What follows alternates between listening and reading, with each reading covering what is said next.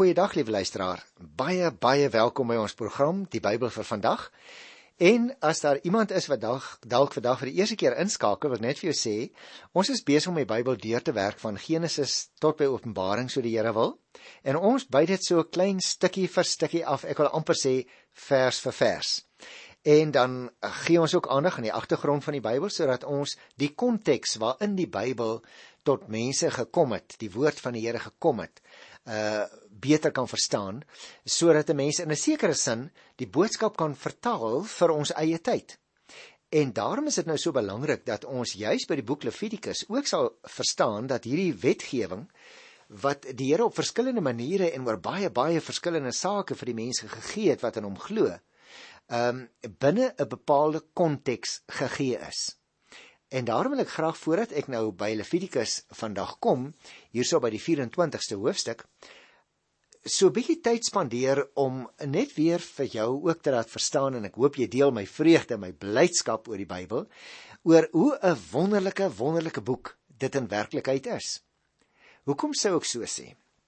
Ek sou dit sê luisteraars omdat elke een van ons eintlik 'n eie wêreldbeeld het. Kom ons vat nou vir oom Piet wat op die plaas woon, sy verwysingsraam word hoofsaaklik uh, bepaal deur die rustige atmosfeer van die plaas vir ons ander ouens wat nou by in die stad woon, joe, ons raak so gewoond aan die motors en die toeters en die sirenes dat ons half heeltemal verdwaald voel as ons nou skielik stilte om ons het. Dan soek ons om besig te wees. Maar jy sien al hierdie goed het 'n bepaalde uitwerking op jou en op my, op ons sieninge, op ons sien van sake.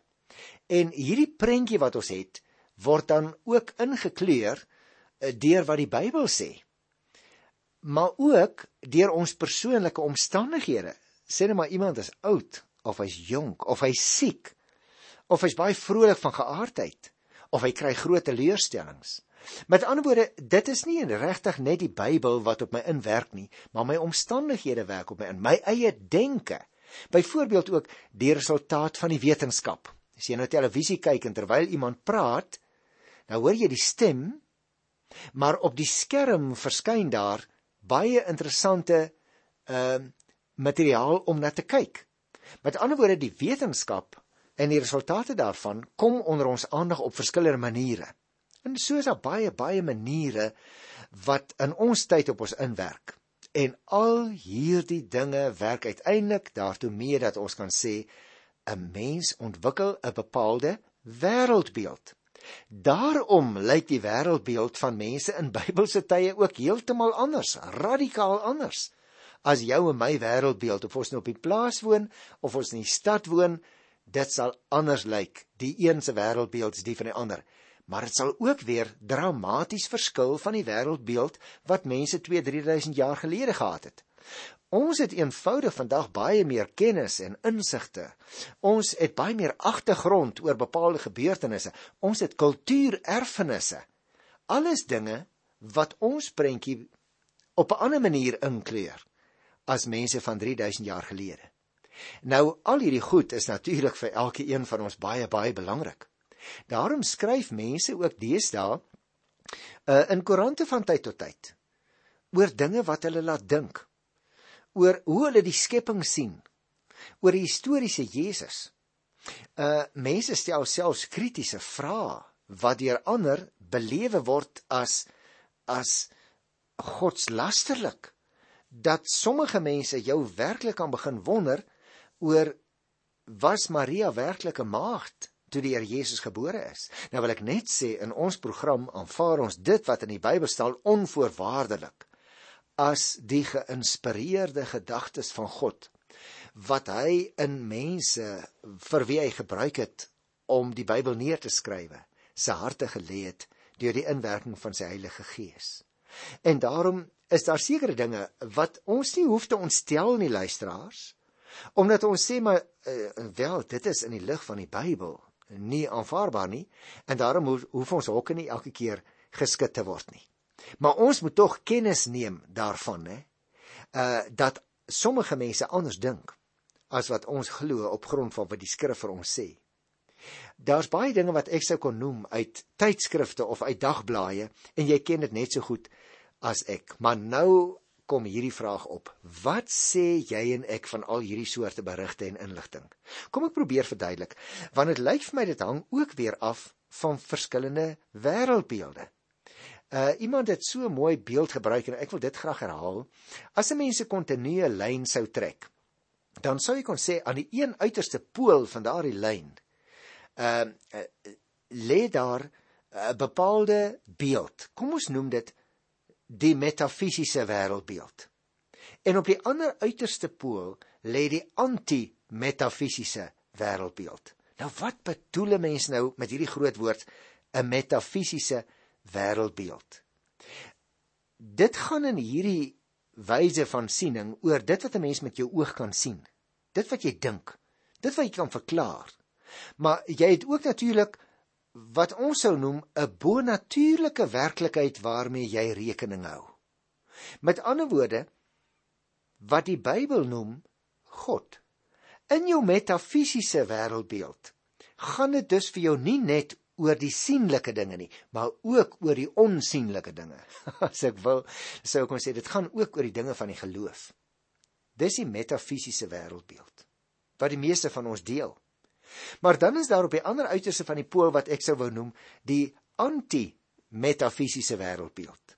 En hierdie soort ou hou rekening net met een tipe werklikheid. Die ding wat die oog kan sien dit wat hy kan bedink, dit wat jy met jou verstand kan verklaar. Daarom is daar in hierdie persoon se denke geen plek vir dinge soos wonderwerke nie. Want dit kan hy nie verklaar nie. Hy hou dus ook nie met God rekening nie. Daarom is dinge soos die ontvangenis van die Heilige Gees of die maagdelike geboorte van Here Jesus of sy sterwe en sy opstanding veral en sy wederkoms is daar in hierdie ou se anti-metafisiese wêreldbeeld geen plek nie. Nou luisteraars, ons almal val hier iewers tussenin. Waar ons rekening hou met die metafisiese en aan die ander kant die anti-metafisiese en erns op die kontinue lyn tussen in die twee uiterste pole val ons elkeen maar. Maar nou moet jy mooi luister want want dit is juis op hierdie kritieke punt waar die paaie uiteengaan. Van hierdie persoon wat dan nou 'n metafisiese wêreldbeeld het. Vir hom is daar twee werklikhede. Die fisiese dinge wat hy kan sien. Maar daar is ook dit wat hy nie kan sien nie. Die geloof in God. Nie die geloof in die Bybel nie. Dis interessant. Luister mooi hoe ek dit formuleer. Nie die geloof in die Bybel nie. Want luisteraars, ons is nie Bybelgelowiges nie. Ons is Godgelowiges. Want ons glo aan die Bybel as geïnspireerde woord van God. Ja, ons glo aan die Bybel, maar ons glo in God. En dit is breedweg die metafisiese wêreldbeeld.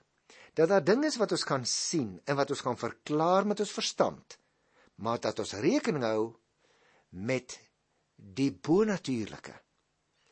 Dit wat ons in die Bybel oor God lees, byvoorbeeld, wat ons nie op 'n ander plek kry nie. Dit beïnvloed ons denke en ons wêreldbeeld. Maar nou aan die ander kant, wat ek net nou genoem het, die anti-metafisiese wêreldbeeld. Uh vir hierdie ou is daar net een werklikheid het ek net nou gesê, naamlik die fisiese. Dit wil sê dit wat hy met sy verstand kan verklaar. Daar is in sy wêreldbeeld beeld geen plek vir geloof en dus geen plek vir God nie. En hier tussenin, tussen hierdie twee uiterste pole van metafisies en antimetafisies lê jou en my wêreldbeeld ook. Daarom is dit interessant dat as 'n mens in die Nuwe Testament kyk en ek gaan nou terugwees, nou nou terugwees by Levitikus, as 'n mens in die Nuwe Testament kyk en jy sou lees by 1 Petrus 3, dan kry jy as dit ware al twee hierdie sieninge, ek wil net gou so intoe blaai. Dan kry jy as dit ware al twee hierdie sieninge op 'n baie interessante manier verklank in dit wat die apostel Petrus skrywe. Uh en ek gaan nou 'n paar versies daarvan lees uit 1 Petrus 3 en jy moet oplet hoe dat die apostel deurgangs rekening hou met die dinge wat hy rondom hom kan sien. Maar ook uh, mag ek dit so noem die dinge van die geloof. Ek lees hier by 1 Petrus 3 van vers 13 af. En wie is dit wat julle kwaad sal aandoen as julle navolgers is van die goeie? Maar as julle ook moet ly ter wille van die geregtigheid, salig is julle. En vrees hulle glad nie en wees nie ontsteld nie. En luister nou. Maar heilig die Here God in julle harte en wees altyd bereid om verantwoording te doen aan elkeen wat van julle rekenskap eis omtrent die hoop wat in julle is met sagmoedigheid en vrees. Nou luister jy let op, jy let op dat die apostel hier praat van die situasie waarin hy is, selfs lyding, né? Maar dat daar ook voortdurend deur die gelowige rekening gehou moet word met God. Met ander woorde God wat ons nie kan sien nie. En dit is wat ek bedoel as ek praat van 'n metafisiese wêreldbeeld. Die konkrete dinge, die lyding of die dinge wat ek sien, die dinge wat ek beleef en ervaar. Ja, dit is my werklik. Maar ek hou ook rekening met God. Ek kan hom nie sien nie, maar hy is vir my 'n werklikheid. En daarom is dit so belangrik dat jy en ek as gelowiges, as ons hierdie dinge lees, altyd sal rekening hou ook met die konkrete situasie waarin mense lewe. As jy nou dink aan 1 Korinte 15 daar by die 14de vers waar Paulus praat oor die opstanding, dan kom jy dadelik agter daar is ouens wat die opstanding erken, maar sê hy, as daar geen opstanding was nie, dan is ons geloof ook te vergeefs. En daarom is daar sekere, mag ek dit so noem, geloofswaarhede waarmee ons voortdurend ook uh rekening moet hou. En daarom luisteraar, laat jy en ek tog nie ontsteld raak oor die afwykende beskouings uh, van enkele teoloë nie wat ons soms in ons tyd hoor. Wees bedag daarop, daar is maar net enkeles van hulle. Ehm um, maar ons aanvaar dat daar twee werklikhede is. Dit wat ek rondom my sien en belewe en ervaar en dan die werklikheid van die geloof dat die Bybel 'n boek is wat deur God geïnspireer is deurdat hy mense gebruik het. In hulle gedagtes het hy sy het hy sy gedagtes gelê deur die werking van die Heilige Gees. En dit is die wêreldbeeld wat ons nou vandag het en daarom is sommige van die dinge wat die Here vir die ouens sê in Levitikus vir ons dalk vreemd. Maar onthou hulle wêreldbeeld was anders en die wonderlike God sluit aan by die wêreldbeeld ook van die tyd waarin mense gelewe het. En die Here het nie opgehou om hom te openbaar nie, hoor. Deur sy gees maak hy hom mos nog steeds in ons tyd ook bekend. Nou kom ons kyk nou teen hierdie agtergrond. Uh nou so 'n paar interessante dinge wat ons hier sien in Levitikus by die 24ste hoofstuk. Ehm um, ter inleiding sou ek miskien net wou sê uh 'n volk want dit gaan nou hier oor die Here se volk. As Nuwe Testamentiese gelowiges is ons natuurlik die Here se nuwe volk, maar dit gaan hier oor oud Israel. 'n Volk wat heilig moet wees omdat die Here heilig is, moet ook heilige eerbied vir die Here hê. In die tent van samekoms moet daar eerbied vir hom betoon word, maar ook in die alledaagse lewe daar buitekant. Elke dag. Dit is wat die Here hier vir hulle leer. En dit is wat hy vir ons, vir jou, vir my ook wil leer. Binne in die heiligdom moes daar die lampe byvoorbeeld aan die brand gehou word sodat daar altyd lig kan wees, né? As 'n teken, 'n simbool ook daarvan van dat die Here altyd daar is, dat God lig is in die lig van die Nuwe Testament. Onthou, Levitikus beskryf in 'n sekere sin die diens van Israel aan God. Ek het dit al van tevore ook gesê en hierdie diens het hulle hele lewe omvat. Dit was hulle wêreldbeskouing. Alle fasette van die lewe van Israel moes 'n teken daarvan wees dat hulle aan God behoort. En hierdie verbondenheid en diensbaarheid aan God het sy hoogtepunt bereik in die erediens in die tabernakel van destyds. En eh, daarom maak die voorskrifte oor die offers so groot deel van die boek uit. In die eerste 9 verse van uh, Levitikus 24 byvoorbeeld word voorskrifte gegee vir twee sake wat met hierdie diens in die tabernakel te doen het, naamlik die olie vir die lampe en die offerbrood. Die olielamp en die offerbrood het dit met mekaar gemeen dat albei in die heilige deel van die tabernakel 'n plek gehad het en dat die brood, net soos die lig, altyd daar moet wees. Die Israeliete moes die olie voorsien om die lampe aan die brand te hou en hulle moes die meel voorsien om die brood mee te bak. En al twee hierdie materiaal waarmee hulle werk, olie en meel, word deur God voorsien. Nou kom ons kyk so 'n bietjie na die groter detail van hierdie hoofstuk. Ek is by Levitikus 24 en ek lees die eerste 4 verse.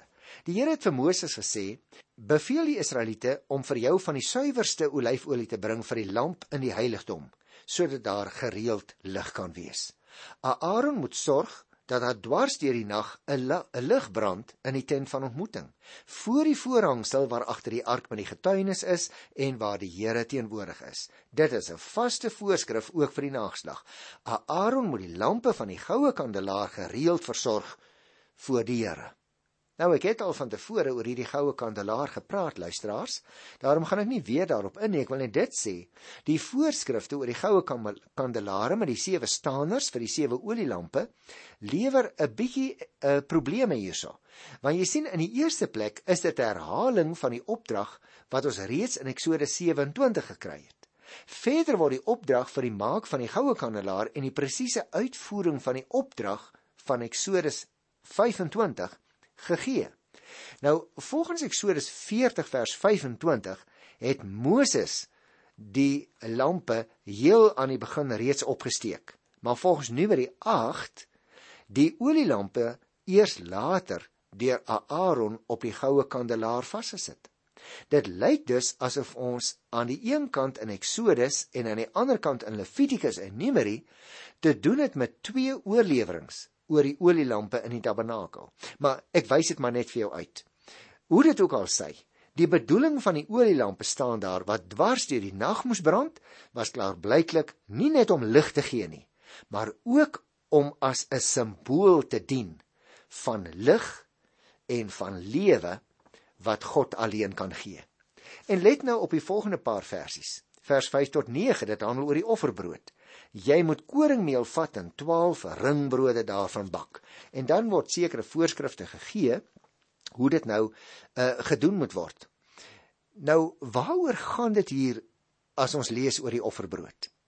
Byna dieselfde probleem as hierbo duik nou nog weer 'n keer op in verband met die offerbrood.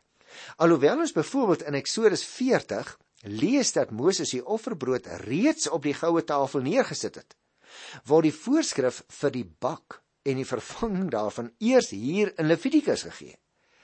Dit moes op die goue tafel uh voor die voorhangsel gepak word. Nou die 12 ringbrode waarvan ons nou hier lees, was nou simbolies van die 12 stamme van Israel wat voortdurend in God se teenwoordigheid was. Die hoë priester moes die offerbrood elke Sabbatdag vervang staan daar, blykbaar met die wisseling van die priesters se diensbeurte. Nou volgens oorlewering het die priesters wie se diensbeurt verby was, die helfte van die ou offerbrood gekry en die wat aan diens gekom het, die ander helfte gekry.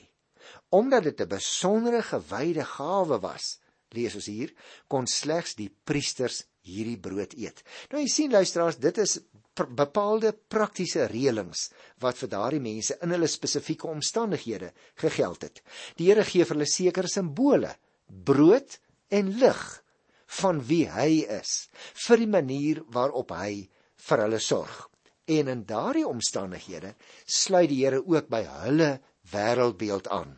So dit is nie net hulle wat 'n bepaalde wêreldbeeld gehad het of ons wat 'n bepaalde wêreldbeeld gehad het nie. Wonderlik.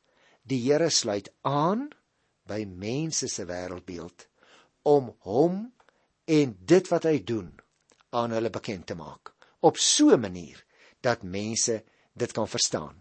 En daarom wil ek net hier afsluit met uh, die 24ste hoofstuk.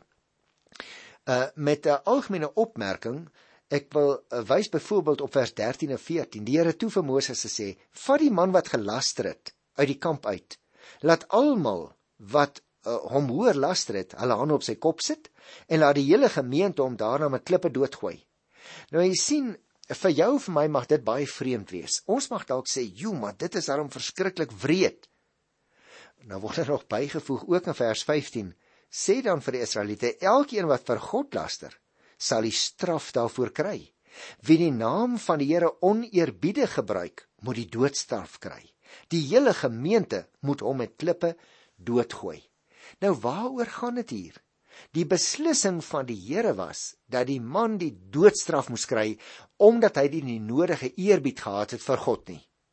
Jy sien, om God aan 'n mens diensbaar te probeer maak of iets oor hom te sê wat nie waar is nie of om oneerbiedig oor die Here te praat was in Israel en by die Jode altyd met die dood strafbaar. Wat wil dit vir jou vir my leer? Ons wat 'n ander wêreldbeeld het, ons wat op 'n ander manier oor die Here dink, dat ons steeds moet onthou, die Here is anders as ons. Die Here kan reëls gee wat juis vir ons wil dui dat hy die heilige een is. Daarom hierdie voorskrifte wat hierdie mense kry is juis om vir hulle te leer dat God heilig is, dat hy anders is as mense. Ons beleef vanweë die kragte wat op ons inwerk dat ons op 'n ander manier met die Here mag omgaan. Dat ons nie noodwendig iemand wat laster wil doodgooi met klippe nie maar dat ons daardie een in die lig van die Nuwe Testament onder ons getuienis graag wil bring. God is gees. Jy onthou mos die Here Jesus sê dit vir die Samaritaanse vrou in Johannes 4. En dit is 'n manier wat alreeds vir ons dui hoe dat die Here in die tyd van die Nuwe Testament in sy voortgaande openbaring homself ook op ander maniere aan mense bekend gemaak het. Lees byvoorbeeld wat staan hier in vers 21 van Levitikus uh, 24. As iemand 'n ander se dier doodmaak, moet hy dit vervang, maar as iemand 'n moord pleeg, moet hy die doodstraf kry. Hierdie beginsel geld vir gebore Israeliete en vir vreemdelinge, want ek, die Here, is julle God. Jy sien, juis oor hierdie saak verskil selfs Christus gelowiges in ons tyd. Maar die beginsel waaroor dit hier gaan, word duidelik gesê, geformuleer. Hier staan: Hierdie beginsel geld vir gebore Israeliete en vir vreemdelinge. En dan staan daar vers 23 Moses het dit toe vir die Israeliete gesê. Hulle die man wat gelaster het uit die kamp gevat en hom met klippe doodgegooi. So het al die Israeliete die beveel van die Here wat die Here vir Moses gegee het uitgevoer. Nou ek dink is nie so maklik om dit net so klakkeloos oor te dra op ons situasie nie. Want jy sien die regsreëls wat aan hierdie geval verbind word, het op die oog af geen direkte verband met laster nie. Dat hier wel baie belangrike en grondliggende reëls gegee word waarvolgens die regters vonnisse moes bepaal, is duidelik uit die voorkoms van dieselfde soort regreëls wat ons eh, in Eksodus 21 gekry het. Die beginsel waarvolgens straf dus neergelê moes word, was 'n lewe vir 'n lewe in vers 18, 'n been vir 'n been, 'n oog vir 'n oog, 'n tand vir 'n tand in vers 20. Dit beteken dat daar 'n balans moes wees tussen die aard van die oortreding en die aard van die straf wat opgelê moes word deur die regters in die tyd van die Ou Testament. Die voorstelling in die Ou Testament is dat God as regverdige regter ook die straf laat balanseer met die oortreding. Die probleem het egter gekom er wanneer die individu hierdie regsreëls vir die regter wat vir die regters bedoel was as 'n vergeldingsreg begin toepas het in sy eie lewe. Dat dit soms wel gebeur het, is duidelik. Christus het hierdie standpunt ingeneem in Matteus 5 van die 38ste vers af. Uh dat dit egter in Levitikus nie die bedoeling was dat elkeen maar die vergeldingsreg self kon toepas nie is duidelik uit die 19de hoofstuk van vers 17 af. Hier in vers 10 tot by vers 23 word die basiese regsbeginsels uh wat vir die regters as riglyn moes geld om 'n vonnis te vel verbind aan 'n uitspraak van die Here in vers 13 tot 22. Dit beteken dat God ook oor die burgerlike lewe van sy volk volle reggenskap gehad het. En omdat ons Romeine 13 lees dat die Here ook die owerheid ingestel het en dat ons ons onder die gesag van die owerheid moet stel, moet ons broers en susters die owerheid gehoorsaam. Dit leer Paulus is duidelik. Die punt waar dit uiteengaan is wanneer die owerheid van ons dinge sou verwag wat teen die Bybel ingaan. Dan is God se woord vir ons belangriker as die van die owerheid. Laat ons voortdurend ook in ons wêreldbeeld wat ons as metafisies kan beskryf, rekening met God hou. Nie net die dinge rondom ons nie, maar ook die onsigbare God wat nog steeds in ons lewens wil insny. Wonderlik. Wonderlike boek. Wonderlik. Wonderlike God. In sy wonderlike naam groet ek jou vir vandag. Tot volgende keer. Totsiens.